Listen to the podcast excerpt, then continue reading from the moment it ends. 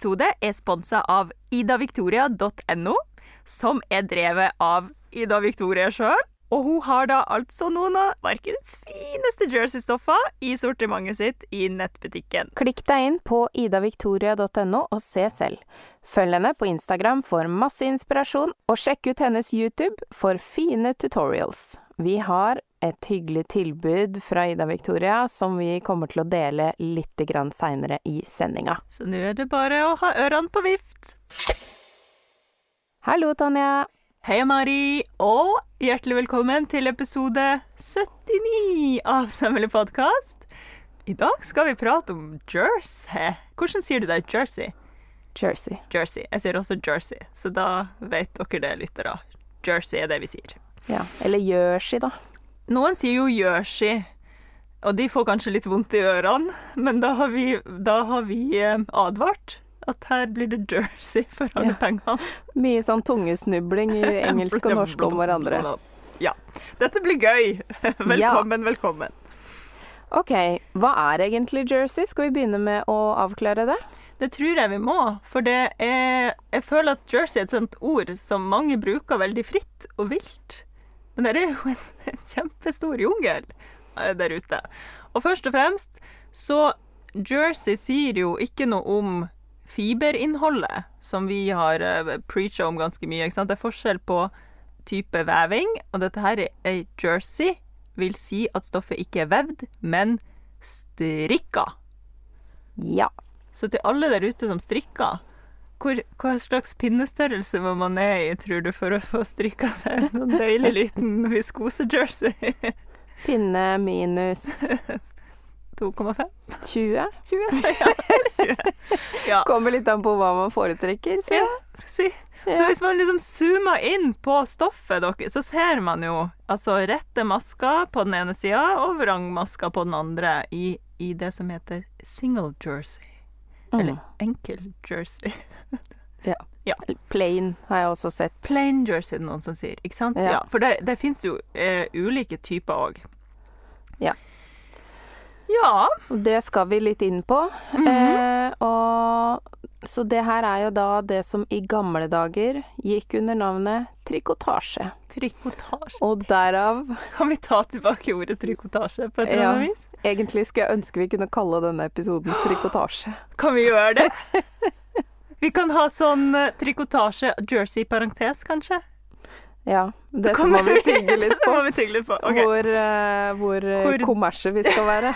ja, det er sant. Men oss nerder imellom så er jo trikotasje et favorittord. Uh, ja. Og derav uh, trikot har jo kanskje mange sett når man skal kjøpe Det er jo gjerne ferdigsydde jerseyplagg, så står det ofte trikot. Trikot, ja, ikke sant. Knits kan det også kalles. Som et generelt samlebegrep for jersey. Ikke sant? Og det er jo der jeg føler det engelskmenn er så heldige at de har nits, på en måte, som er sånn strikka, strikka stoff.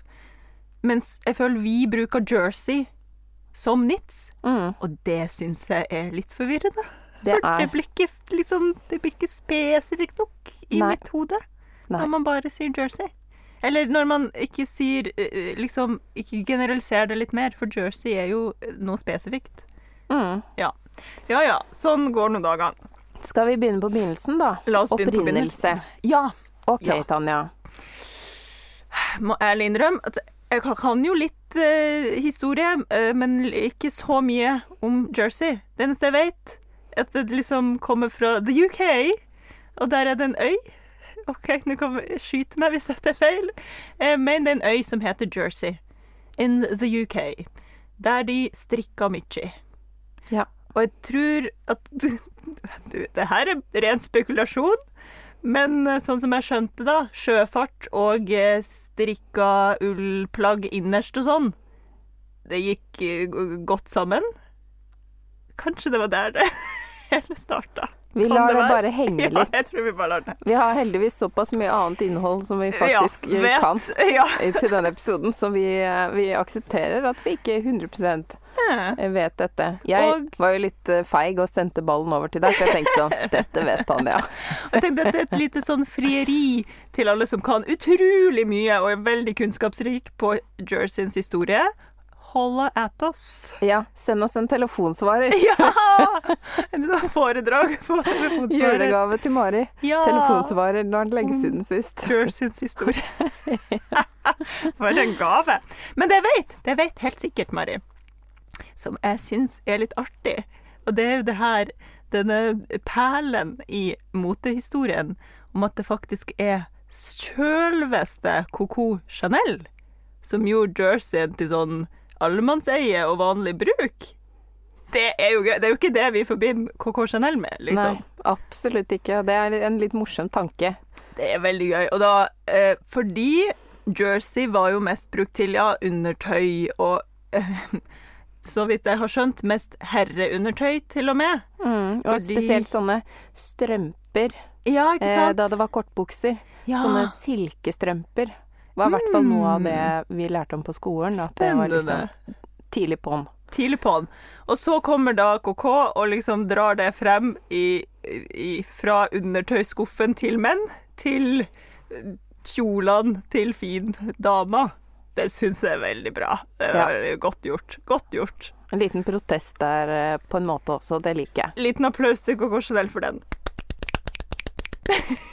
knips, knips. Ja. Det var litt historie, da.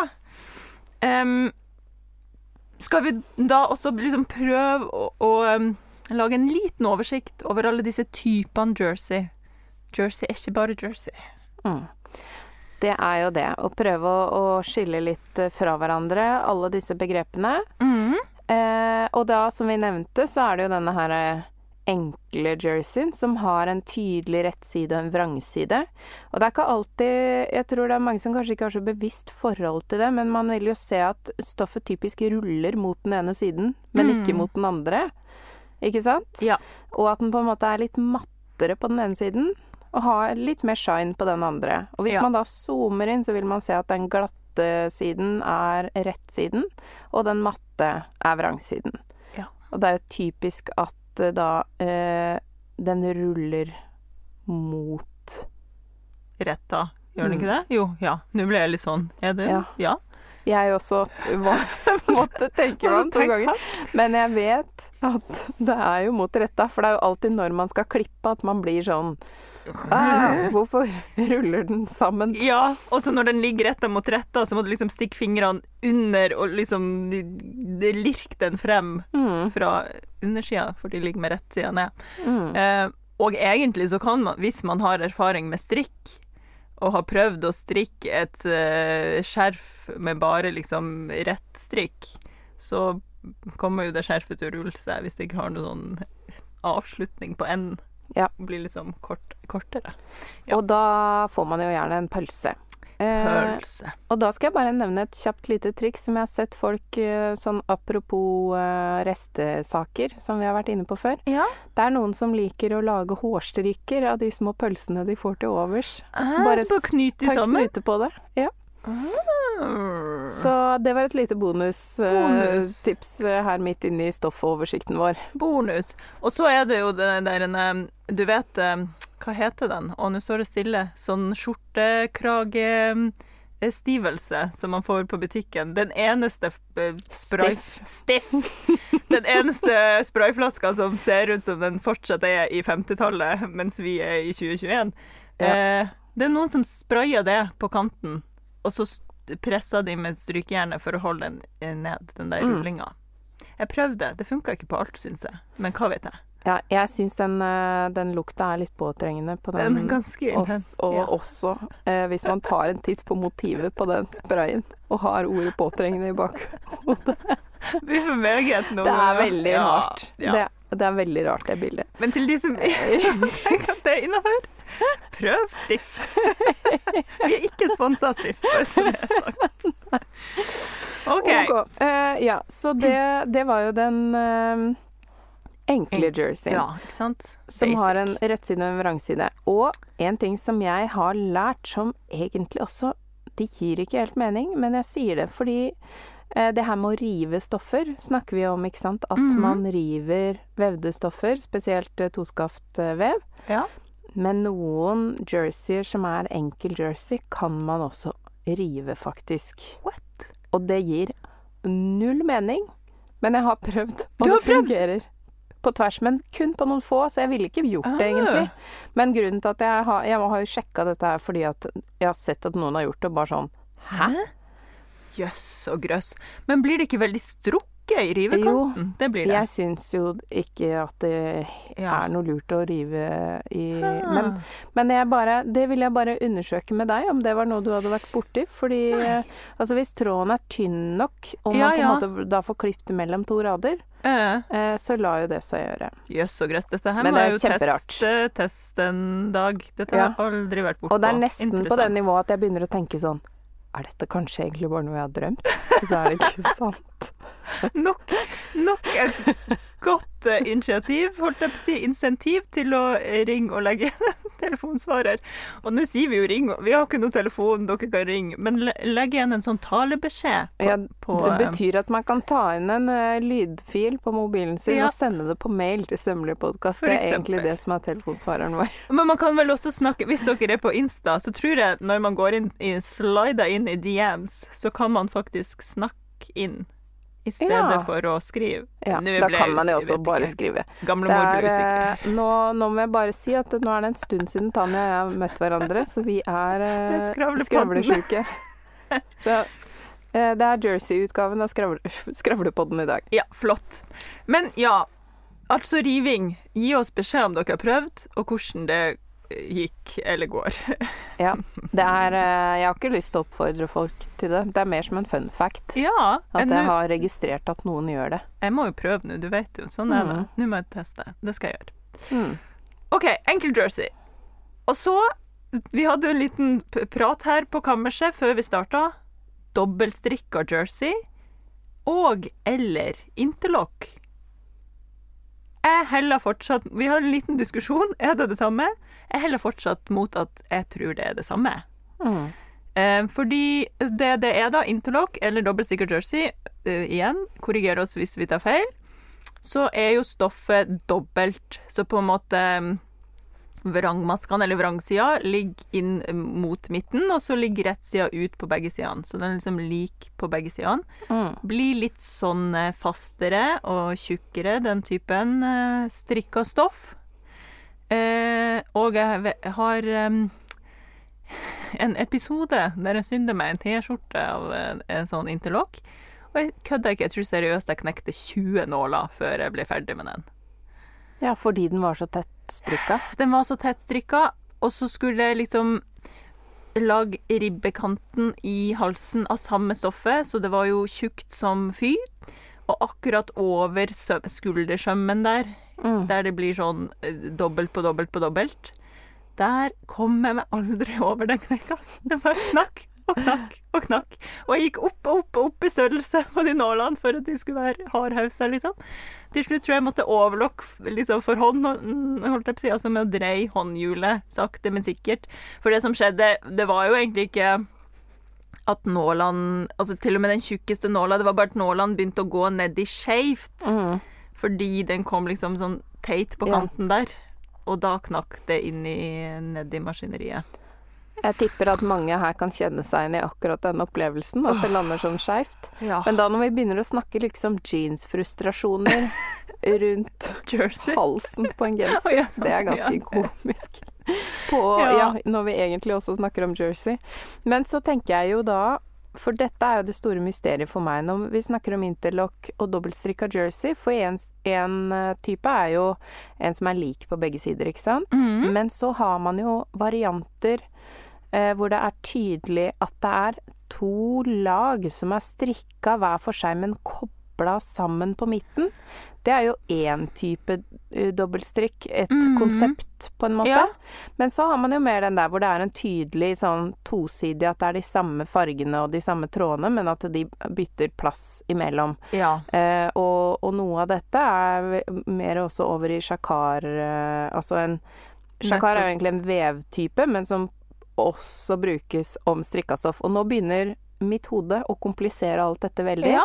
Sånn at vi velger nå å kalle alt dette her dobbeltstrikka jersey og interlock inntil vi vet nøyaktig. Men det er jo også da sjakar er jo også en type dobbeltstrikka sak, men er den dobbeltstrikka, eller er den ikke fordi når Skjønner du hva jeg mener? Når Ja, jeg trådene mener. bytter plass uten at det er de her eh, floatsene imellom. Ja, uten at det liksom er to eh, pannekaker som ligger sammen, men det er liksom samme pannekake som har to sider. Skjønte du? Jeg skjønner, jeg skjønner veldig godt hva du mener. Ja, fordi, Og eh, ja, jeg blir også litt lost i hodet Mm. akkurat nå av å tenke på det. ja, fordi et strikka stoff har jo en rettside og en vrangside, og når det er mønsterstrikk, så får man disse floatsene da, på Ja. baksiden. De flytetrådene på en måte som ligger imellom. Ja. Og dobbeltstrikk har ikke de flytetrådene, fordi de har to rettsider. Ja. Ja, så dette er Skjønner dere hvorfor vi gir oss selv hodebry over dette, kjære dere? Eh, jeg tenker at vi må Skjær oss løs og gi oss svar, vær Ja. så snill. Nå må vi gå videre. Men Ja. det, det her det blir litt sånn det store spørsmålet i livet for meg akkurat nå, så jeg, nå kjenner jeg at nå Åh, la oss snakke om noe enkelt igjen. Ribb. Ribb Ja. er veldig enkelt. Og ribb er også likt fra begge sider. Ja, men det er jo da fordi man har strikka to rette eller to vrange eller en rett eller en vrang eller hva som helst. Så det ser jo da likt ut. Men det har jo den der ekstra stretchen og litt sånn Mm. eh, tekstur gjerne, eller struktur, eller hva man skal si, fordi eh, ja, det er rett og slett ribbestrikk det er snakk om. Mm. Og den er jo da til forveksling lik interlock som er lik på begge sider, Kan være. men mye løsere i eh, snippen. Ja. Og, der, er, og det, der må jeg si jeg er litt sånn har en veldig sterk preferanse på ribb. Mhm. Jeg liker ikke den der som ser ut som interlock. Den syns jeg ikke ser ribbete nok ut. Det må være ganske sånn tydelig ribbestrikk for at jeg skal tenke å, dette var deilig. Sånn som på den her. Ja, du den vil her, ha striper. Jeg vil, vil se tydelig. Her er det striper. Ikke sånn oi, dette kunne vært et eh, T-skjortestoff, liksom. Mm. Der er jeg, da. Ja, jeg har ikke så tydelige meninger rundt det, men jeg liker at den er litt fast, sånn at ikke det blir en sånn eh, litt sånn halvveis kant Ja. som blir slenget over tid. Skjønner. Eh, for det er det som er irriterende med de mest elastiske ribbene, syns mm. jeg. Og dette, enda en ting. Ribb i flertall. Ribber. Ribba. Det er. Jeg føler ikke det er riktig. Snart er det jul. Vi er liksom over på middag med en gang. Ja. Eller ikke for noen av oss, da, men for noen. Ja, for noen andre. Ehm, så nå går vi for ribber. Ribber. det føles feil. Uh, ja, så eh, Det er i hvert fall ribb er på en måte enkelt og greit. Du Ja. kan enten få det i sånne pakker som du bare setter på uh, midjeribb eller, eller livribb eller uh, håndleddsribb, Mhm. og kanskje hals eh, Jeg tror ikke jeg har sett halsribb i sånn pakke før. Uh, nei, men man kan jo bare klippe ned. eh, Og så Ja. lage den litt smalere, den mage, mageribben. Jeg anbefaler her å gå for umetervare. Da det er mye Ja, bedre utnyttelse av Ja, både ja, penger og, og ressurser. I aller høyeste grad. Kjøp en, en par meter av ribbe, liksom. Men er man, eh, er man typen som eh, liker å få det sånn ferdig laget, så fins det da både i, i pakker og på metervare. Og nå har jeg jo også sett eh, at den, ja, alle vet, den store kjedebutikken, den eneste kjedebutikken som selger stoffer der ute, Mm. eh, de har jo også fått en sånn type ferdig ribb som man slipper å brette, hvis du skjønner. Å ja, det- sånn det som liksom du bare- pakker den rundt. Eh, Nja, nei, det er Ja, nei, Den har en avslutta kant, en ikke sant? Ikke kant. råkant. Ja, Ja. så du slipper Ja. å ha brettet Mm. Altså bretten ytterst, eller hva jeg skal si. Det er som en sånt, sånn, som sånn fold-over elastic, som var Foldestrikk heter det. Ja. Bare i, i storformat, så det blir en ribb. ja, bortsett fra at du ikke trenger å folde. Så du oh, har ja. liksom bare Den er liksom bare én. Oh, Fordi den har avslutninga øverst. Ja. Så det er jo ikke noe råkant, på en måte, øverst. Da får man jo råkanten av stoffet på innsiden, hvis den er én Den er ikke som en Den har ikke sånn at man kan putte den imellom to ting. Eh, imellom to ting Altså, en ribb har jo en brettekant ned Ja. mot håndleddet, Ja. og så har den da en åpning inn, så man kan putte stoffet imellom de to lagene med Å Oh, ja! Skjønner du? Ja, jeg skjønner. Nei, det Og det kan er du det ikke jeg mener med å putte nedi. Nei, nei, nei. Ja. Det blir jo Altså, og det gjør det er, Sånn syr ikke jeg på ribb. Nei, men da eh, Nei, nei, men jeg ville Vrangsyr med syr med ribben, liksom. Eh, jeg gjør det, men Ja. jeg eh, Jeg ville jo ha putta denne ferdig avslutta kanten, hvis Ja. det da var en uh, to lag. som en foldestrikke, så ville jeg jo putta stoffet imellom denne ferdig avslutta du- kanten. Oh, ja. Ikke sant? Skjønner. Skjønner, skjønner. Eh, fordi at da er jo hele poenget borte. Da får du jo Ja, det blir pent utapå, men du får jo vrangkanten på genseren inni. Skjønner du? Ja, jeg skjønner. Det- Men det er jo min default. Da mister de meg lite grann. OK, det her er jo min default, da. At, eh, at man har liksom overlocken inni der uansett. Men hvis jeg Ja. hadde sluppet å brette, sånn at denne her måtte bli dobbel når det er en metervare, Mm. så kunne jeg kanskje vært mer fornøyd. Det vet jeg ikke. Jeg har ikke prøvd. Ja. OK, dette, dette må utforskes. Men jo, for da får man jo selvfølgelig ikke gjemt den sømmen. Den skjøte Ja. sømmen, da. Det er flere ting her er jeg er interessert i å skjule. Nei, vet du hva. Nå eh, Jeg trekker det tilbake. Glem alt jeg sa. Vi fortsetter videre til French Terry. Vi avslutter ribb. Ja. OK. French terry, eller terry, for jeg syns det er litt hyggelig å si det på, på norsk. Ja. norsk. Terry. Terry. Eh, terry er et strikket stoff med løkker på baksiden som er tykkere enn vanlig bomullsjersey. Isoli er en type French terry, men har en lodden og myk bakside. Nå hørtes det ut som du leste direkte Ja. fra leksika her. Nå tok jeg rett og slett en eh, definisjon, først som sist, Ja. Eh, for å få det klart og tydelig. Sånn at, og det som jeg alltid tenker hvis jeg hører ordet terry, ja. tenker jeg på håndklestoff. Sånn deilig sånn ja. håndklegenser Mm. fra barndommen. For det var i hvert fall eh, Det hadde jeg i hvert fall. Ja, det, ja. Og det Jeg får alltid sånn hvis noen har på seg sånn håndklegenser, så må jeg alltid liksom bort og ta litt på dem. For jeg syns det er sånn koselig. ja, for poeng. Terry, altså Terry, eller Terry, Mm. er jo frotté på engelsk, så vidt jeg har skjønt. Så French Terry er jo da når man ikke har eh, håndkle på begge sider, men bare på den ene sida. Det er sånn jeg, jeg tenker i hvert fall, og husker det. French Terry det er liksom håndkle på innsida og, og vanlig college-genser på utsida. Ja. typ. Og da kan man tenke på sånn løkkestrikk, eh, Ja, faktisk. der. At det da er Det er akkurat som at vrangsiden på en måte At de løkkene på baksiden som er vrangmaskene, liksom har blitt litt for lange. Så Mm. de har en sånn pus. Og da når den er lodden, så er den kanskje børsta, for eksempel, for å få den der deilige pusen Ja. ut. Eh, mens den er jo da, når det bare er de løkkene, så er den jo mm, fastere og på en måte litt kjøligere mot huden, da. Mm. Men er poenget Nå dette her, nå kjører jeg et spørsmål fra hofta her. Er poenget med da Isoli og French Terry at det skal isolere bedre? Fordi det blir liksom mer sånn luft av de der løkkene? At det skal liksom være varmere? Ja, altså i hvert fall den lodne varianten er jo varmere. Så Ja. min huskeregel for Isoli er Isolering. Isolasjon. Ja. Det er det samme her. sånn eh, glava på baksida, da ja. er det isolering. Ja, for den Ja. kan jo noen ganger nesten føles litt som flis på en måte. Inni den der, ja. der børsta typen. Mm. Um, og, og når vi først er eh, inne på det, så er vel også strikka fløyel en variant i samme familie. Ja, bare at pusen er ut. Mm. Ja. Mm, det er vel kanskje det. Det er jo en terry hvis man, hvis man sitter med forstørrelsesglass og ser på denne terryvarianten som er eh, håndkletuttene ut Eh, og fløyelstuttene ut. ja. Hvis man ser det i forstørrelsesglass. så det ligner det jo. Ja, ja, ja. ja. Mm. Interessant. Ja, men sweet. Da har vi fått uh, prata uh, om det òg. Mm. Og neste punkt på lista her er jo litt sånn eh, Ja, enda mer forvirring i, eh, i universet. For da er vi over på alle de der spesialstretch-stoffene. Mm. Som er sånn spandex og Lykra. Ja, ikke sant? Og da er det sånn Er det materiale?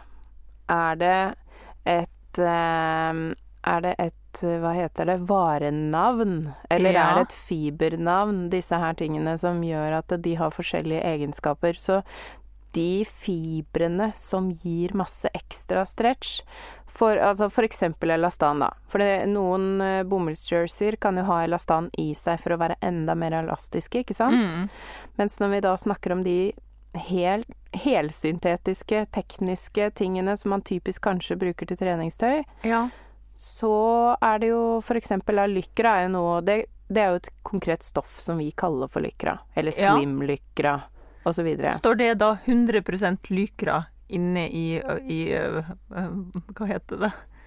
Det ble det så ingredienser, holdt jeg på å si. Ja, det er i hvert fall plast. Plast er det jo. Men det Og om det liksom står om de kaller det nylon, eller om de kaller det Ja, eller polyamid, da, som nylon heter, eller om de kaller det polyester eh, Ja, for da med lykra.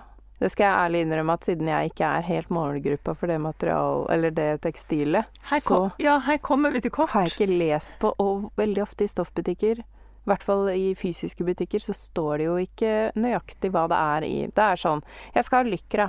Men i hvert fall så er jo da lykra en Det er jo en sånn enkel strikk av det òg, med en rettside og en vrangside. Ja, så det er en jersey, Ja. men den er laga av fiberet lykra? Ja, det som vi nå foreløpig kaller lykra. Ja. Spandex-ish. ja. Og det gjør jo da at det er enda mer superelastisk, og har den spensten som gjør at den holder seg sånn. Mm. Eh, Med mindre den blir utsatt for veldig, veldig mye klor og, og sollys osv. Da Ja. Sånne ting tåler den jo ikke så veldig godt, men det er på en måte hovedpoenget med, med de. ja.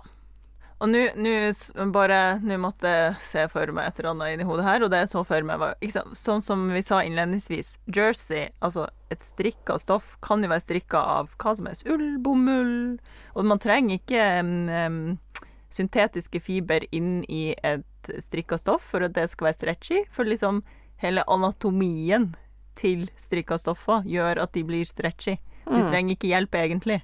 Men de får jo da drahjelp eh, i noen sånne veldig tekniske eh, stoffer for å kunne ha fireveis stretch. Mm. Ikke bare i eh, bredden, men også i lengden.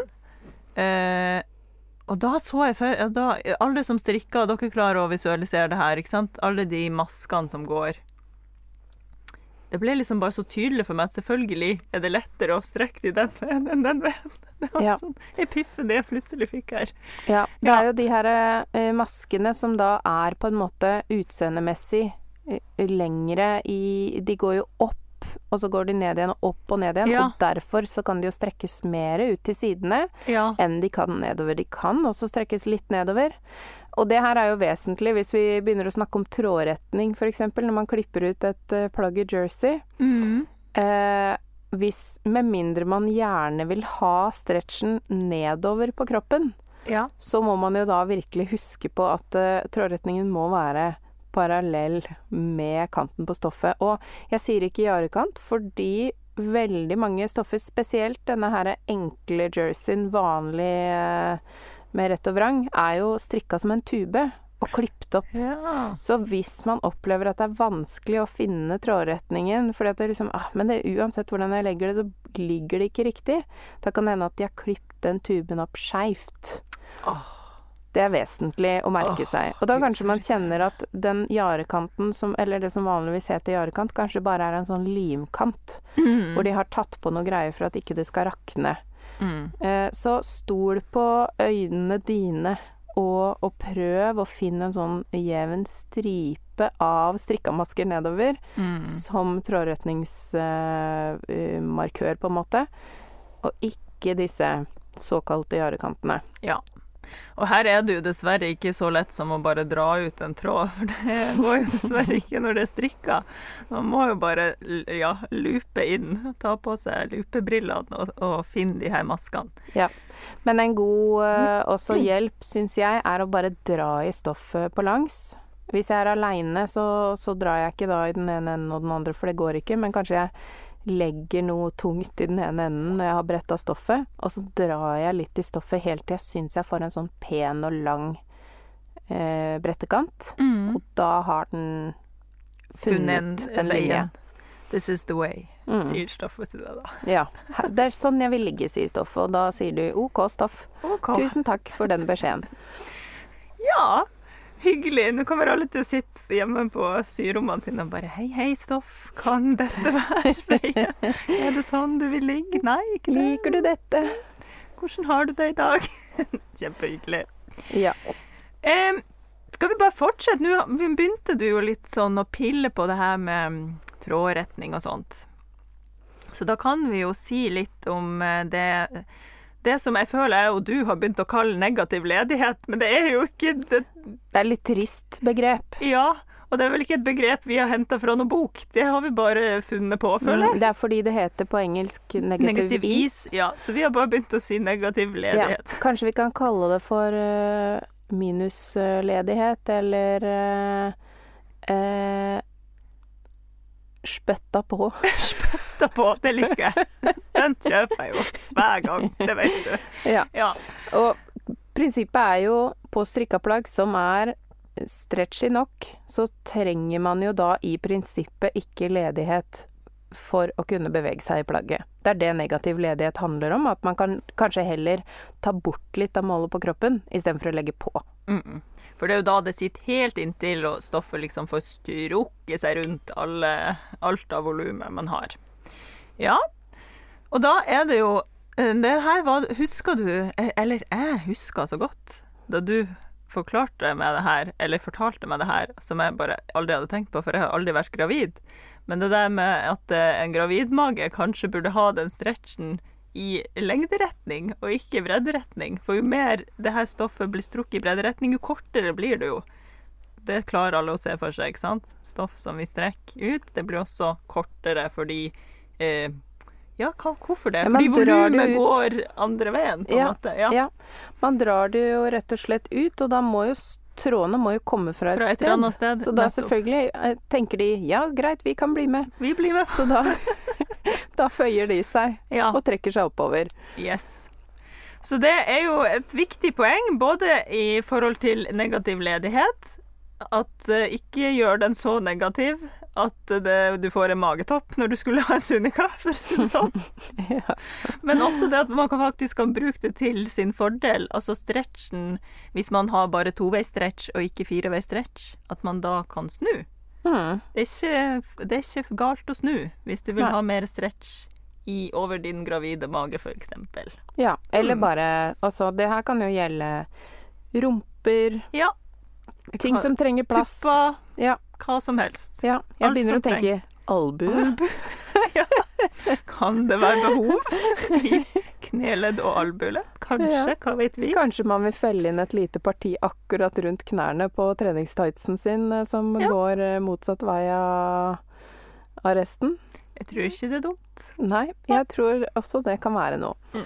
Ja, så, så tenk litt på det med, med eh, ledighet og trådretning i forhold til eh, stretchstoffet. Og selvfølgelig da når det er fireveis stretch, så er det veldig ofte et syntetisk fiber inne i bildet for å få den da så Og med fireveis stretch så betyr det jo da at den er like elastisk i alle retninger. Og det er Mm. typisk. For eksempel lykra er Det er nok også derfor det er så velegna til dansetøy og badetøy osv. Mm. Det er mye bevegelse. Mm. Ja. Eh, og da når vi først er inne på det, så vil jeg snakke om dogs. Altså, da du sa dogs tidligere i dag, så var det sånn Who let the dogs out? Hva skjedde? Det her har jo ikke jeg fått med meg i det hele tatt. Jeg som ikke er så bevandra i sånn mønsterverden. Kan du Ja. For forklare, Mari, hva er dogs til alle Dogs. oss som ikke vet? Dogs Er direction of greatest stretch.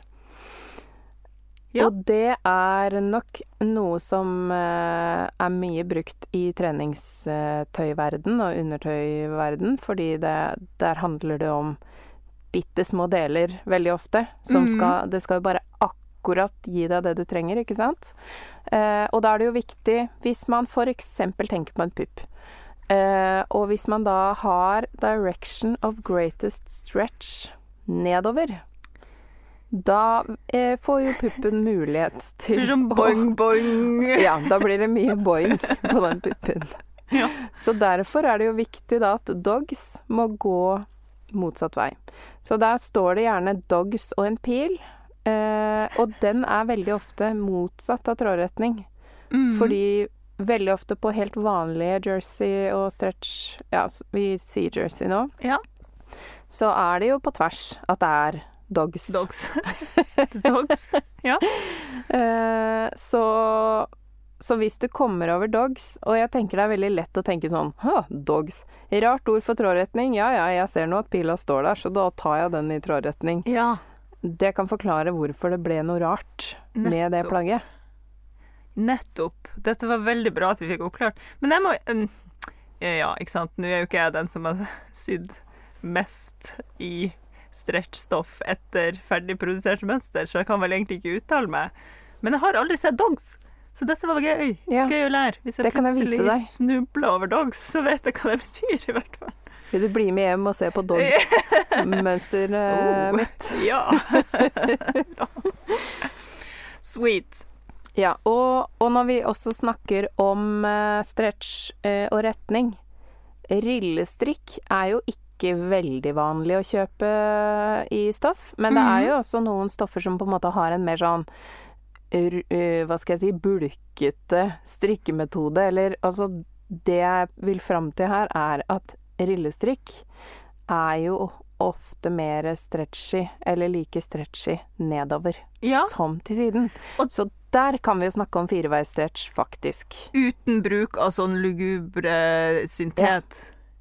Det syns jo jeg er veldig fint. Mm. Så man kan Ja, nå ble jeg litt glad, da, så det er mulig å få fireveisstretch i 100% ull. Det hadde jo gjort meg glad, Ja, på en måte. alle som strikk, har strikka noe i rillestrikk, vet jo det, at det vokser jo uendelig sakte mens man strikker, fordi det trekker seg sammen oppover. Men så kan man jo da ende opp med at en genser blir en kjole, fordi at den får litt heng på seg. ja. men det syns jeg er sånn Det er en morsom tanke, og noen, noen strikketing kan jo være på en måte sånn at de det er lagt inn i mønsteret på en eller annen måte, en eller annen bølgefunksjon, eller noe som det vil fungere på samme måte som rillestrikk. Mm. Eh, og med rillestrikk så mener jeg da typisk når du lærer å strikke og ikke har lært å Rett og strikke vrang. rett og vrang enda, men bare snur strikketøyet, så får du det at det liksom ser likt ut på begge sider. Det er rillestrikk. Ikke sant? Så man um, strikker vanlig ned til eh, pupp, litt sånn rillestrikk over puppen, og så er man gravid, så kan man fortsette med rillestrikk sånn at magen får plass også. Du ser jeg for meg de villeste designene. Og så er det jo Ja, så skal man over på strikking, så har jeg en hel del å si om det, men jeg skal holde det inne. Ja. eh, Så, vi, så folk kan høre på denne episoden. Men det det var bare det jeg ville si om fireveisstretch. Og rillestrikk. Husk at rillestrikk fins. Ikke veldig vanlig som metervare. Nei, jeg vet ikke om Så vanskelig kan det ikke være å lage en rillestrykkmaskin. rillestrikkmaskin. Det er jo det enkleste. Det er jo det første man lærer hvis man strikker. Ja. Ja. ja ja. We, we put it out there, you, you do the rest. Ja. ja. Um, kan kanskje ikke fortsette før vi har sagt litt om nåla, Selv om vi har en egen episode som heter nåla, så Ja. kan vi jo si Og jeg har litt sånn ny eh, info. Kom med det. Skal jeg komme med det med en gang? Ja. OK. Fordi altså Nå er jo jeg så heldig at jeg har begynt å få veldig masse hygg... eh, Ja, det har jeg jo alltid hatt, veldig masse hyggelige folk rundt meg. Men gjennom denne, denne medlemsplattformen vår, Digitalt sømrom, så har jeg jo fått eh, nyss og napp og hold på nye nerder. Og da er det ett medlem, Marte, hvis du hører på, amen for deg, som blir eh, minst like engasjert over ting som oss, og får sånn overtenning og begynner research i det lange og det brede. Og da har altså Marte eh, eh, kommet frem til, eller research, seg frem til og funnet en kilde som sier, og hun har også liksom fått bekrefta det litt sånn sjøl med testing French Terry og Isoli og alt dette her burde ikke sys med jersey-nål eller ballpoint-nål. Men burde sys enten med eh, sånn veldig skarp, tynn mikrotex-nål eller vanlig synål. Det så jeg faktisk at noen skrev på den eh, Vi Det var Sygale sikkert Marte! Ja, Hvis det var en lang, lang uh, avhandling om dette, så var det sikkert Marte. det var, uh, det var veldig spennende i hvert fall. Så Ja. jeg var bare sånn Ja sånn, vel. Ja. Det gir jo mening, det, på en Ja. måte. Fordi, ikke sant, er nåla butt og skal trøkke seg gjennom den der børst, det børste laget, så vil jo et eller annet gå galt på et eller annet tidspunkt der. Det blir jo noen fiber som blir revet, i stedet for eh, at eh, ting går smooth. Mm. Så eh, dette her For vi hadde en hel case inne på medlemsplattformen der. Vi har sånn forum der vi diskuterte de rareste ting. da var det altså ei som hadde sydd masse sånne fine mønstringer med bisa i et isolistoff. Med stretchnål, selvfølgelig. Mm. Og det her hadde jo da Altså, det hadde bare begynt å rakne i sømmene. Så regelen da blir jo på en måte, hvis man skal ha en slags huskeregel for dette, at Ja. hvis det er for tettvevd, at det liksom er sånn tettpakka inni der. I- Men når jeg sier vevd, så mener jeg pakka sammen. Ja, jeg mener, pakka. ja, for det er jo strikka. Børsta, eller hva det er Ja. de gjør med strikk. Om det er ja. på en måte veldig sånn tett masse man skal gjennom, så er det bedre med noe spist. mm. For da lirker man seg imellom, Ja, selv om man potensielt sett kan kutte tråden. potensielt sett. Ja. Altså, av to onder får man vel vel det minste, tenker jeg.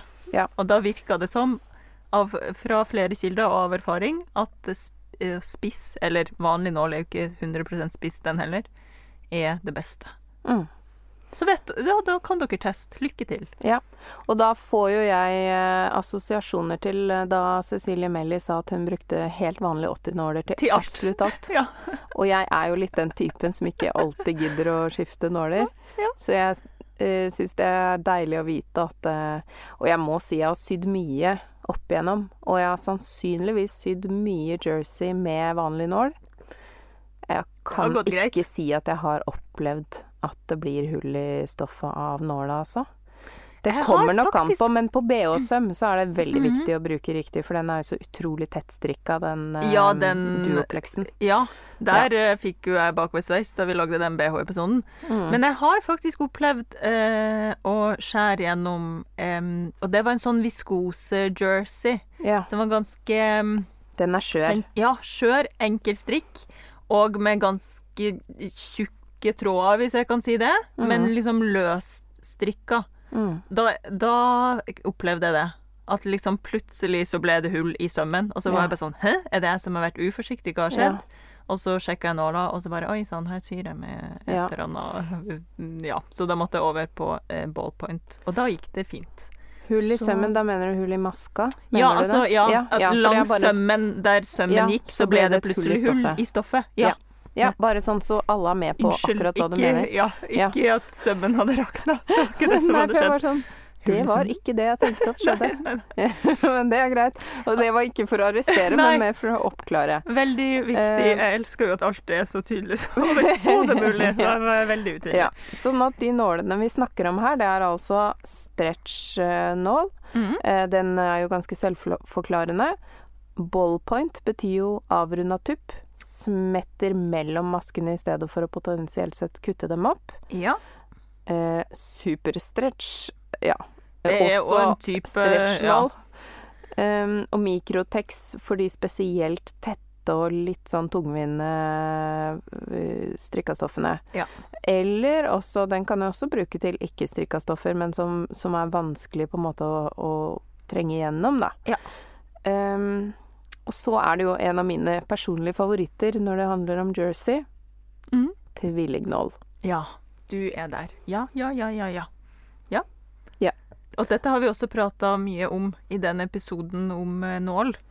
Mm. Eh, så hvis noen eh, har et problematisk forhold til sin tvillingnål, tror jeg vi ville lytta innom der. Der Ja. har vi litt tips og triks og whatnot. Og jeg eh, nevner vel det her i Overlock-episoden, for da sveiper vi jo så vidt innom cover. Ja. Eh, ikke veldig, men da avslører jo jeg at jeg heller bruker tvillingnål enn å tre om den eh, fordi jeg har sånn eh, maskin med begge funksjoner i, Mm. eh, siden jeg ikke har en egen covermaskin. Så hvis du ikke har vært borti tvillingnål, den er fin å sjekke ut. Bare husk at du må ha to trådsneller oppe. Ikke samme tråd gjennom begge nåler. Oi, er det, kan er det, det er noen som har prøvd det, holdt jeg på å si? Eh, Det kan jeg godt fortelle deg at eh, Mari, 19 år, eller hva det nå var Hun prøvde seg på det. Det var ingen som fortalte meg at jeg skulle ha to Nei. tråder, så jeg var sånn Ja ja, pussig at det blir to sømmer ved siden av hverandre med denne tråden, men eh, da gjør jeg bare det. Så da tredde du den ene nåla, og så samme tråd Ja. rett inn i den andre nåla. Og da kan jeg si deg at da hadde jo jeg brukt 50 kroner av min veldig oh, ja. lille inntekt på den nåla. Ett tråkk på pedalen, knekk. Oh, Så Nei. derfor så vil jeg gjerne påpeke dette er på en måte litt sånn ukas feil, egentlig. Ja, den var fin. Eh, så da fikk dere den. Mm, Sannelig. Men du, vi er jo så heldige denne uka at eh, ikke bare har vi en sponsor, men vi har også fått noen stoffer. Du og jeg, på privaten.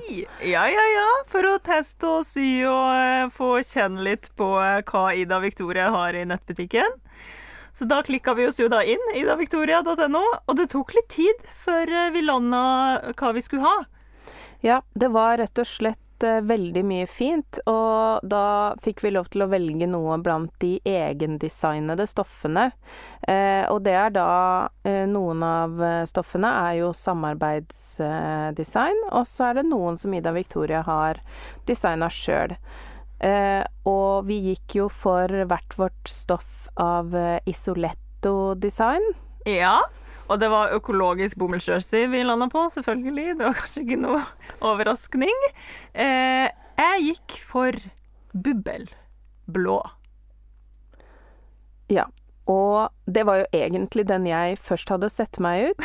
eh, og, så, og jeg gikk for eh, Flo i blå, som var den du egentlig hadde sett deg ut. Ja. Og hvordan det byttet skjedde med at vi plutselig fikk hverandres favoritt og, og ble veldig fornøyde med det begge to, det er vi ikke helt sikre på, noen av oss. Nei. Men eh, vi står for eh, at vi tok toppvalg, begge Yes. to.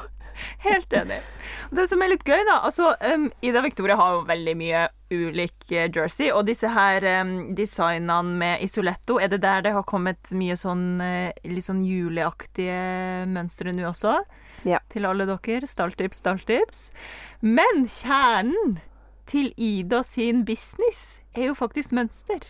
Så i tillegg til å forhandle jersey-stoffer, så selger hun jo veldig mange mønster som passer veldig bra til jersey. For startskuddet, kan man liksom si det, kanskje? Startskuddet, eller det som fikk litt sånn eh, fyr på bålet, var jo nettopp det her mønsteret til en jersey-kjole med sving, som Ida kaller det.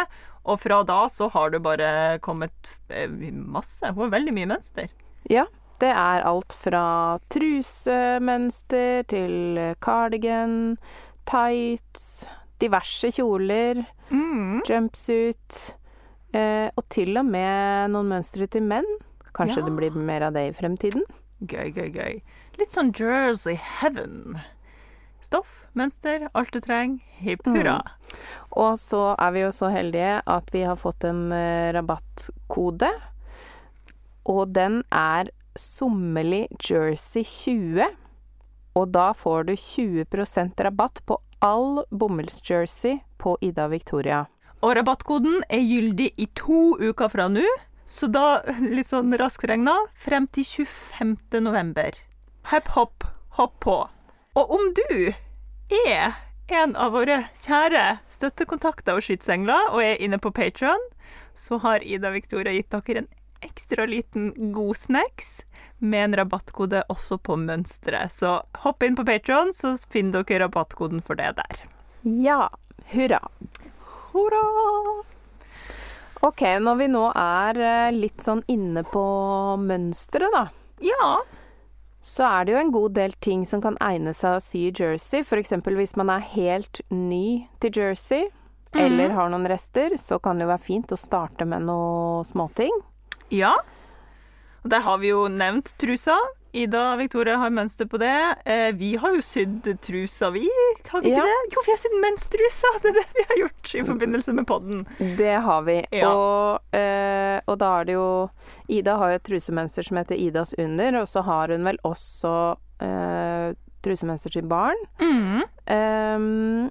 Jeg har også sett at Muna and Broad eh, Ja. har også eh, trusemønster. Jeg tror faktisk de har to forskjellige typer. Eh, og de er jo spesielt uh, beregna på store størrelser, så de er jo veldig gode. Eh, og de er skikkelig høye. Det elsker jo jeg. Så ja. Trusene mine titter stadig frem over buksene. Og Ja. jeg skammer meg ikke et sekund. Nei, jeg eh, er også den typen som heller foretrekker trusetitt enn uh, rumpesprekk. ja, enig. Helt enig. Ja, og så er- vil jo i hvert fall jeg da anbefale å prøve å kopiere egne favorittruser. Det er min go to Ja. eh, trusevariant. Det er eh, at da har jeg tegna noen bestemortruser som jeg elsker. Ja. Eh, og det har jeg faktisk laget en fremgangsmåte på på min Instagram. Ah, Så det, den er under highlights, da. Kanskje jeg spanderer på meg en video etter hvert eh, neste gang jeg skal sy truser, men det Man vet aldri med- når det blir. Øh, Stay tuned. Stay tuned. Ja, og da, det her kan jeg kanskje dele min ukas feil. Ja. For jeg har gjort det her, skjønner du. Jeg har tatt eh, ut mønster fra en truse jeg var veldig, veldig glad i. Men det jeg ikke tok inn i den, den store kalkylen og beregninga, var jo at den trusa hadde blitt ganske slapp.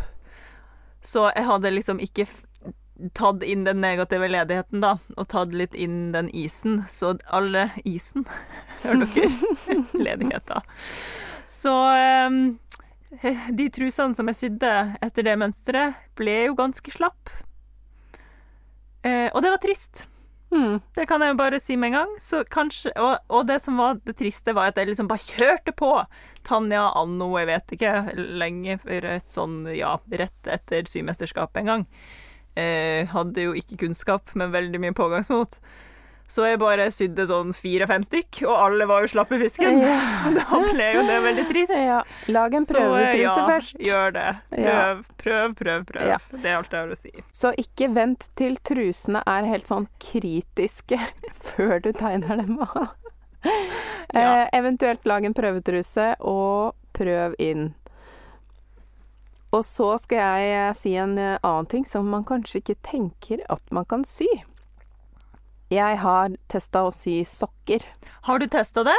Ja. Dette har vi prata om før, og da tror jeg kanskje ikke du hadde testa det enda. Nå har du testa det. Jeg liker det. Du liker det! Veldig godt. Jeg får sånn Det, det krøller seg i tærne, for jeg ser for meg at det er liksom en søm som går rett over tåneglene mine. Det orker jeg ikke. Du har de på deg! Ja, selvfølgelig har jeg tatt dem med. Og de jeg har på meg nå, det er laget av det aller, de aller minste restene etter en genser som har blitt en lue.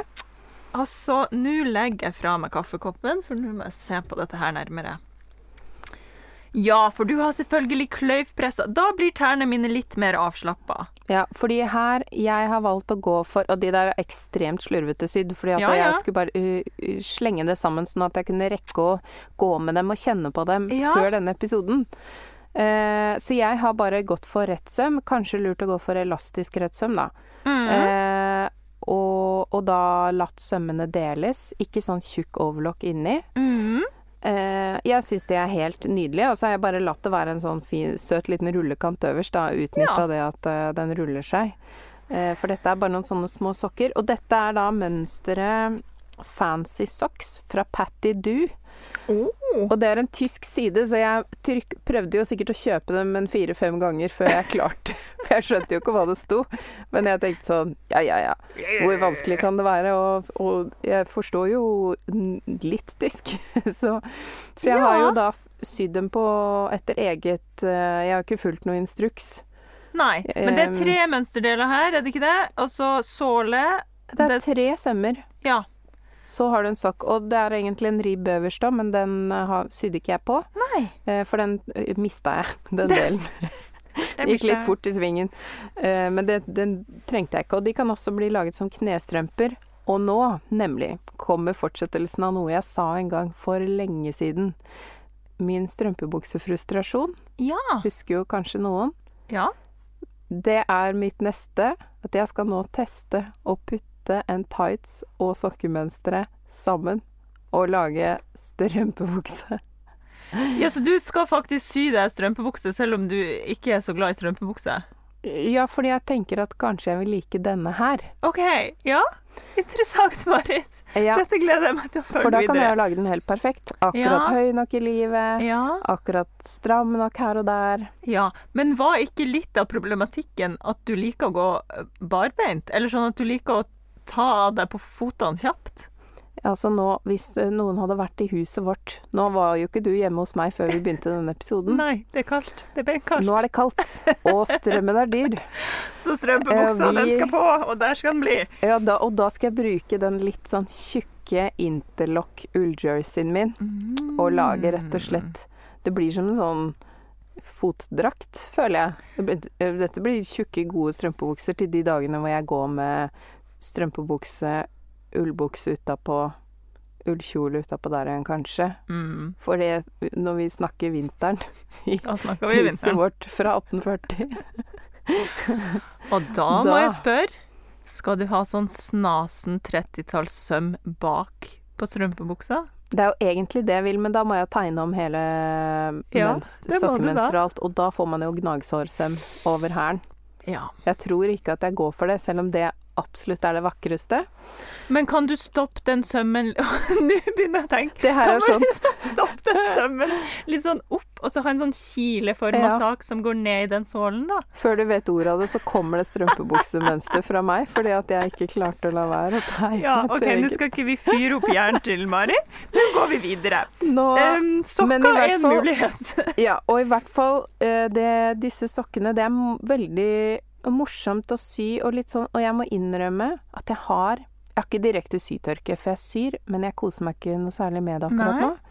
Eh, det handler jo litt om at min rullegardin er i ferd med å gå ned, dessverre. Høstgardina, liksom? Høstgardina. Ja.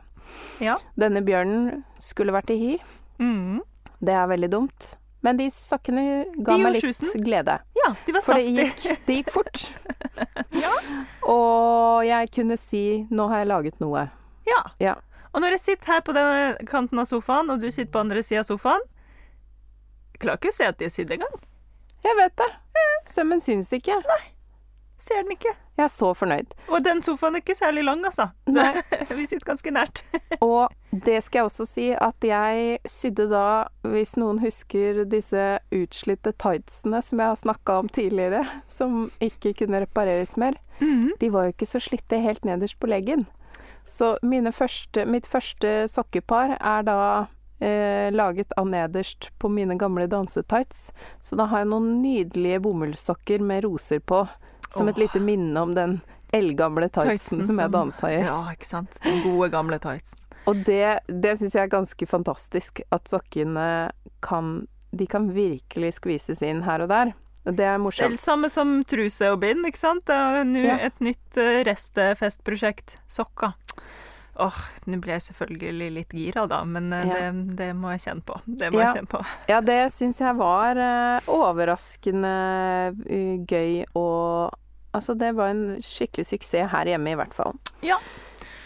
Altså, andre småsnacks av Jersey er jo sånn typisk lua. Mm. Alle disse som syr sånne bøffer. Har aldri sydd en bøffe, men det, Det, det jo har jeg faktisk. har og den bruker jeg mye. For jeg har jo Det har jeg snakka litt om før, det skal vi også snakke litt om etterpå. Jeg har jo noen sånne ullkjoler som jeg bruker under alle klærne mine hele vinteren. Ja. Og jeg har sydd av matchende sånn hals, sånn at jeg kan sette den på så det ser ut som kjolen er høyhalsa. At du gjør den om til en pol, pol, polo, hører du? Du gjør Polokjole. polokjole. det kan jeg jo like. Jeg er jo Ja. tilhenger av polo. Fordi hvis du går bort fra begrepet bøff, men heller tenker Tenk at en polo avtagbar hals Ja, det kan jeg like. Det kan jeg jo like. Mm. mm. Så jeg bare lar det ligge der. Marineres. Eh, og da skal jeg eh, også nevne at eh, denne Harald-lua mi, som jeg ga bort i gratis julekalender i fjor, den Ja. kommer tilbake som ordinært mønster hvert øyeblikk, så snart Henrik og jeg rekker å sette oss ned sammen. ja. Og, Og se på denne Harald-lua. Ja, altså selv ja. og, og så bør vi jo prøve å ha litt kjærestetid, men akkurat Harald-lua kommer først nå. Det ser bra ut. ja. Og og nå når vi snakker om bøff og lue og sånn, så sitter jo du her og har på deg en sånn hva, hva, heter Hva kaller ungdommen det der, da? Bib? Er det det det heter? Ja, eh, det er vel egentlig det. Jeg kaller det jo eh, For dette mønsteret er egentlig en hette med bærestykke, kaller jo jeg det da. For jeg liker å kalle det ja, ja. en spade for en spade. Ja. Men denne er en eh, variant hvor jeg har laget en hals på den i stedet for en hette. Mm. Eh, og det er noe Det er rester fra denne pledd-jakka mi. Ja, ja, ja, ja, ja. Så den er jo nydelig. Den er faktisk ikke i strikka stoff, men eh, Knut-varianten, som er bildet på nettsiden, den er i strikka stoff. Mm. Så det, ja, den kunne vi egentlig hatt på denne lista. Not, not bad at all. Den er jo også en slags sånn mer en polo enn en buff, og da kan jeg gå med på det. Det som er litt deilig med denne her bibben, da, eller smekka, på en måte. Smekke, ja. Bærestykket, som jeg velger å kalle det litt mer voksent ord. Ja. Den dekker jo også puppene. ja. Så hvis man blir Jeg blir så fort Blir du kald på puppa? Ja. ikke sant? Der De stikker jo ut. Ja, de stikker ut. Ja, ikke sant. Jeg har ikke det problemet. Skjønner. Men da får du liksom eh, puppevarmer også. Ja. I ett. ja, det er Nydelig. nydelig. Fantastisk. Eh, har du prøvd å sy votter eh, av jersey før? Nei, da strikker jeg jo, ikke sant. Det er Ja. jo sånn, Noen ting tenker jeg nei, hvorfor skal jeg sy det her? Det strikker jeg. Og votter er en av de Ja. merker jeg nå. Ble Ja. jeg klar over nå. Ja. Ja, men sånn har det vært for meg med, med sokker og for den saks skyld. ja. Men, eh, men nå er jeg blitt litt sånn Hvorfor bruke mange timer når man kan bruke få? ja, ja, ja. Har Selv om jeg elsker å strikke òg, da. Eh, ja da, jeg har sydd eh, votter flere ganger. Jeg syns det funker kjempegreit. Har du da et sånt flatt todimensjonalt mønster, eller den der fancy der man liksom får tommelen Innfelt tommel. Ja. Ja, jeg foretrekker vel egentlig den med innfelt tommel, Ja. men nå som dette handler om jersey, Mm. til jersey, så er det jo helt Ja, greit å bare ta Rett og slett legge hånda på stoffet, tegne rundt og sy. ja. Litt sånn deilig er det. ull-jersey-votter. Ja. Og da kjenner jeg jo jeg som en sånn frostbind som alltid har han, sånne tynne hansker inni votten. ja. Kunne vel like gjerne kanskje sydd med noen Kunne sånne sydd en innervott. Ja, Ja. tynn ull-jersey innervott. Ja.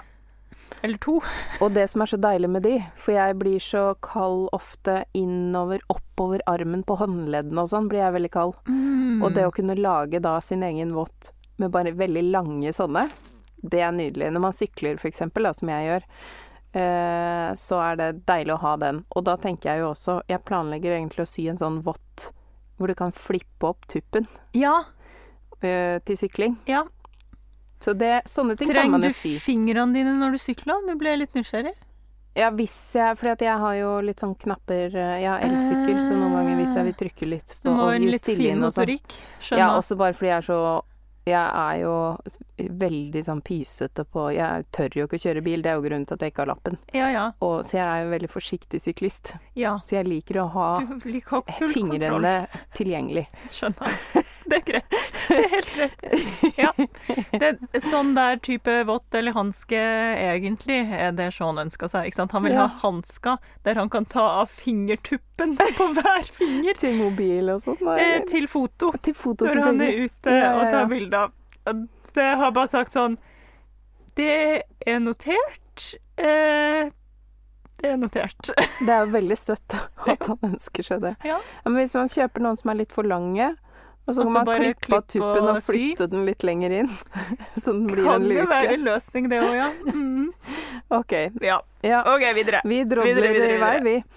Eh, og så er vi over på selvfølgelig plagg. Da, da kan det jo være hva som helst av hverdagsplagg, på en måte. Det kan jo være digge joggebukser, tights Jeg er jo, som jeg har sagt kanskje sju ganger allerede i denne episoden, stor tilhenger av pologenser. Det er jo det jeg syr i Jersey hele tida. Og da har jeg jo den der Apropos å rive jersey og hvordan det er laga og sånn.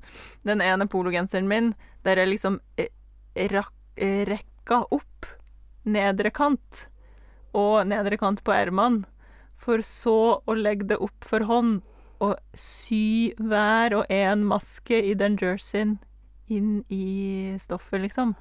Det er det beste jeg har gjort. Det var så hyggelig. Det var så meditasjon. En maske. Der- En ny maske. Der har jo du et gir som jeg mangler. Ja, Mine det, gir det nede, er- nedre giret, liksom. Ja, Ja. mine gir er veldig velutvikla i den andre enden. Ja. Jeg føler at jeg har en slags sånn revers, revers 2 og eh, håndbrekk. Håndbrekk er veldig, veldig lett tilgjengelig. Ja. Ja, det var fantastisk. Og det ble jo så usynlig. ja. Og Du ser jo ikke, du skjønner ikke. Er dette plagget lagt opp? Hva er det som foregår her? Hæ? Hvorfor? Hva? Hæ? Var det, er stoffet laga sånn? Nei! Det er som er håndsydd. Hver enkelt maske. Det, jeg setter jo veldig, veldig pris på prosessen din. Det er bare det at jeg Jeg tror jeg hadde gjort det på det ene ermet, og så bare sånn Nei, bare bretter opp her. Ja. På det andre Ja, ja. Å ja, jeg tar det i morgen. Men da, du, da kan jeg avsløre da, at denne poloen ble jo brukt eh, uten opplegg. Altså, ett erme ble lagt opp, og så eh, lå den en lenge, og så la jeg opp det andre ermet. Og så tenkte jeg sånn nå har jeg lyst til å ha den på meg, så da hadde jeg den på meg uten at den var lagt opp nederst. For jeg har jo alltid genseren ned i buksa uansett. Så brukte jeg den litt sånn før jeg la den opp nederst til slutt. Ja, det er faktisk litt betryggende å Ja. høre, for det, hadde jeg også gjort. Ja. Men eh, da lurer jo jeg på, brukte du da maskesting? Altså sånn som man da typisk ville ha gjort det hvis man hadde strikka? Jeg tror det. Jeg er litt usikker, fordi jeg er ikke så bevandra på sånn, eh, sånn eh, strikkesøm, hvis jeg kan si det. Men jeg gikk For jeg prøvde å få mest mulig liksom stretch i den sømmen. Så jeg tok én maske, og så sydde jeg meg liksom tilbake gjennom eh, maska som var rett over i selve genseren. Mm. Og så sydde jeg meg liksom tilbake inn i samme maske og videre til neste løse maske. Ja, Det høres jo veldig ut som noe maskestingaktig. ja, noe ja. sånt. Ja. Ja, fordi da kopierte du på en måte strikkemetoden. På en måte. Ja. Og så ble det liksom sånne eh, Ja, jeg sier jo da attersting, ikke sant, for ikke Mm. sånn tilbake på meg sjøl, som Mm. gjør at det ble veldig stretchy til slutt, så Ja. jeg ikke er redd for å Litt sånn kombinasjon av kryssting og maskesting, nesten, da. ja, på Aktig. en måte. Ja. Ja. Eh, Løkke, løkkeattersting, liksom. Mm. Ja, ja. Ja. Mm. Interessant. Jeg har også vist, jeg har vist hvordan jeg gjorde det på eh, Instagrammen min, og det er ikke en highlight, for det var en del av julekalenderen i fjor. Ja, ikke sant. Så bak en Mm. sånn luke sitter og har zooma skikkelig inn. Der sitter jeg bak den luka med skikkelig innzooma kamera og vist det her nerderiet. Ja, Ja. ja. hvis noen ble interessert. Ja, så Mm. bra. Og det er sånn eh, Da Nå føler jeg at nå begynner det å nærme seg jul. Nå har vi referert til julekalender to ganger etter hverandre. ja, fra fjoråret. om- Ja, og snakk om julestoffene til Mm. Ida. Altså det, ja, nå nå begynner det å skje ting. ja. OK, men eh, for å snakke om en litt enklere genservariant, da, så For jeg har jo også sydd masse gensere. Mm. Men jeg syr jo mer Altså, jeg har jo den her Maggie-genseren min, som er mer som en sånn college-genser. Ja. Eh, den bruker jeg jo masse. Det var jo den eh, ferskenfarga eh, Altså, det er da en Terry fra min barndom. Som Mhm. jeg, da jeg overtok litt av stoffene til mamma. Den med litt sånn morsom tekstur. Er det Eh, den? nei, nei, det er, eh, nei, det er en sånn Det er en jakke, det. det. Nei da, jeg har den i, i Maggie òg, så det Ja, var veldig, Ja. veldig imponerende ja, at ja, du hadde jeg har det. over garderoben. Ja. Nei, det er en sånn mintgrønn, eh, boblete Ja, sak. den- Men, eh, mm. men denne ferskenfarga, det, det er da dette arvestoffet som er sånn litt sånn solbleika over tid. Jeg syns det er så koselig. Mm. Eh, så har den fått enkel jersey som ribb. For det vil jeg gjerne få nevnt at det går jo an hvis man ikke Mm. finner riktig farge i ribb, så kan man jo faktisk bruke en jersey som en ribb, bare den er, har nok spenst, da. At Ja. den kan uh, komme seg tilbake igjen, og at, den ikke at ikke kontrasten på tjukkelsen mellom hovedstoffet og ribben, blir for stor. Ja. At det funker jo også kjempefint. ja. Og eh, det funka jo også interlock, bare at du knekker 20 nåler mens du syr dem på. Ja. Ops, ops. Og, ja. Ja. og det, det er jo også denne samme som jeg har uh, brodert en sånn oppå en kladeis av en majonesflekk. Ja. Fordi denne genseren føler jeg refererte til såpass mange ganger at jeg var nødt til å nevne min mest brukte. Maggie i dag. Ja. Uh, men jeg har- jo også noen sånne ullkjoler, sånne trange Altså det er jo bare um, en variant av runakjolen som jeg mm. Den har jo noen folder, men jeg har bare brukt bakstykket som forstykke og bakstykke, så blir den en sånn helt basic kjole, og den bretter jeg opp og bruker som genser noen ganger. Mm. Eller har den ned og bruker den som kjole andre ganger. Ja. Og det er en sånn jersey-favoritt som jeg føler at folk må vite om den muligheten. De. Ja. Skaff dere en, en sånn stram eh, jersey-kjole som kan brukes som genser og, eller underkjole under alt hele vinteren. Perfekt. Det er så deilig. Life hack Ja. fra Mari. Ja. Nydelig. Ja, kjole er jo mulighet å sy i jersey. Veldig mange som syr jerseykjoler. Og det vi egentlig ikke har nevnt, er jo at det er jo veldig greit å få til passform med jersey. Mm. Altså, hvis man strever litt med ting og tang fordi det er stretch, så er det jo bare å sy det opp, og så vil det mest sannsynlig forme seg OK nok, Ja. for å si det sånn, og være komfortabelt nok av stretchen. Det er nok også derfor så mange eh, bruker jersey som sin nybegynnerting, fordi at da kan de på en måte hoppe over litt av passformen.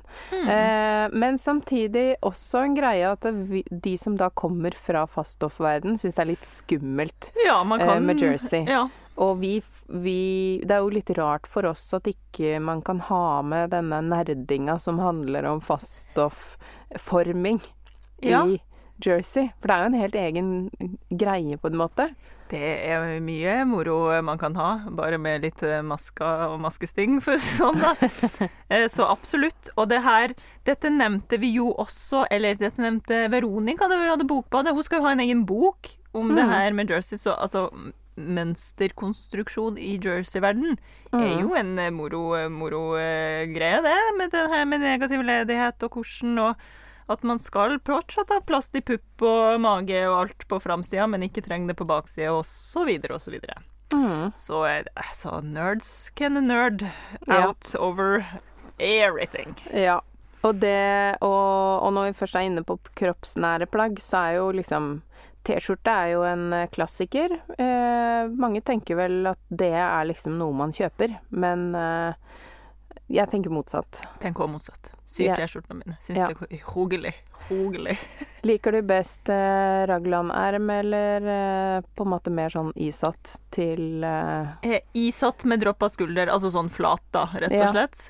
For jeg liker den der en litt sånn oversized, eh, veldig chill hipster-T-skjorta, liksom. Som ja. eh, ser ut som jeg har stjålet hos kjæresten min.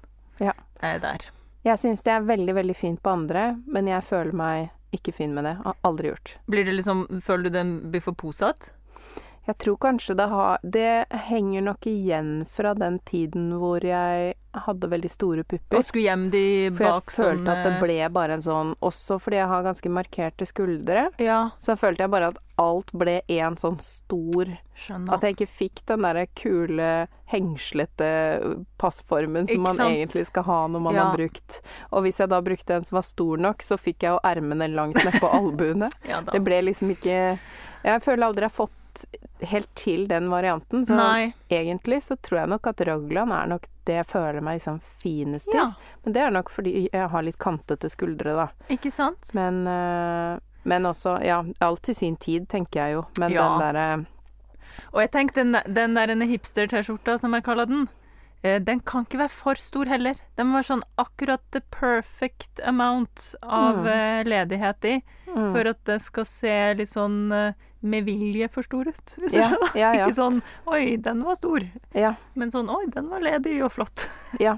Jeg tror det er derfor jeg liker raglan. At eh, da har du ikke en definisjon på hvor skulderen skal være, Nei, men den kan fortsatt være litt posete. Mm. Så jeg lager jo også T-skjorte av det her Maggie-mønsteret mitt, bare at jeg går ned en størrelse for at den skal bli mer T-skjorteaktig, da. Starttips. Um, Ida Victoria har jo noe singlet-mønster Nå sa jeg det i flertall, men og noen trøyer og litt sånn forskjellige, hun også. Mm.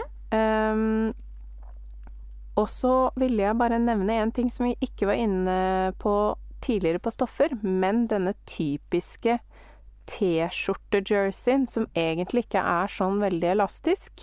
Ja, Ganske sånn fast.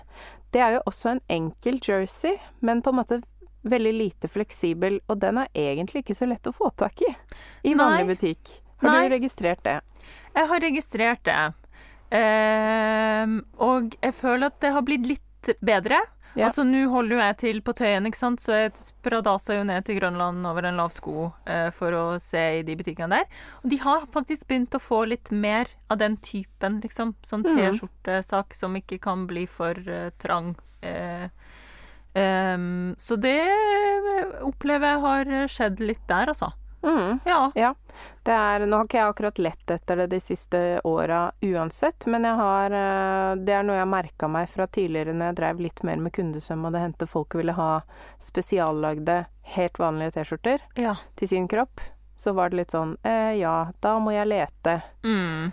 Eh, selv foretrekker jeg jo andre kvaliteter.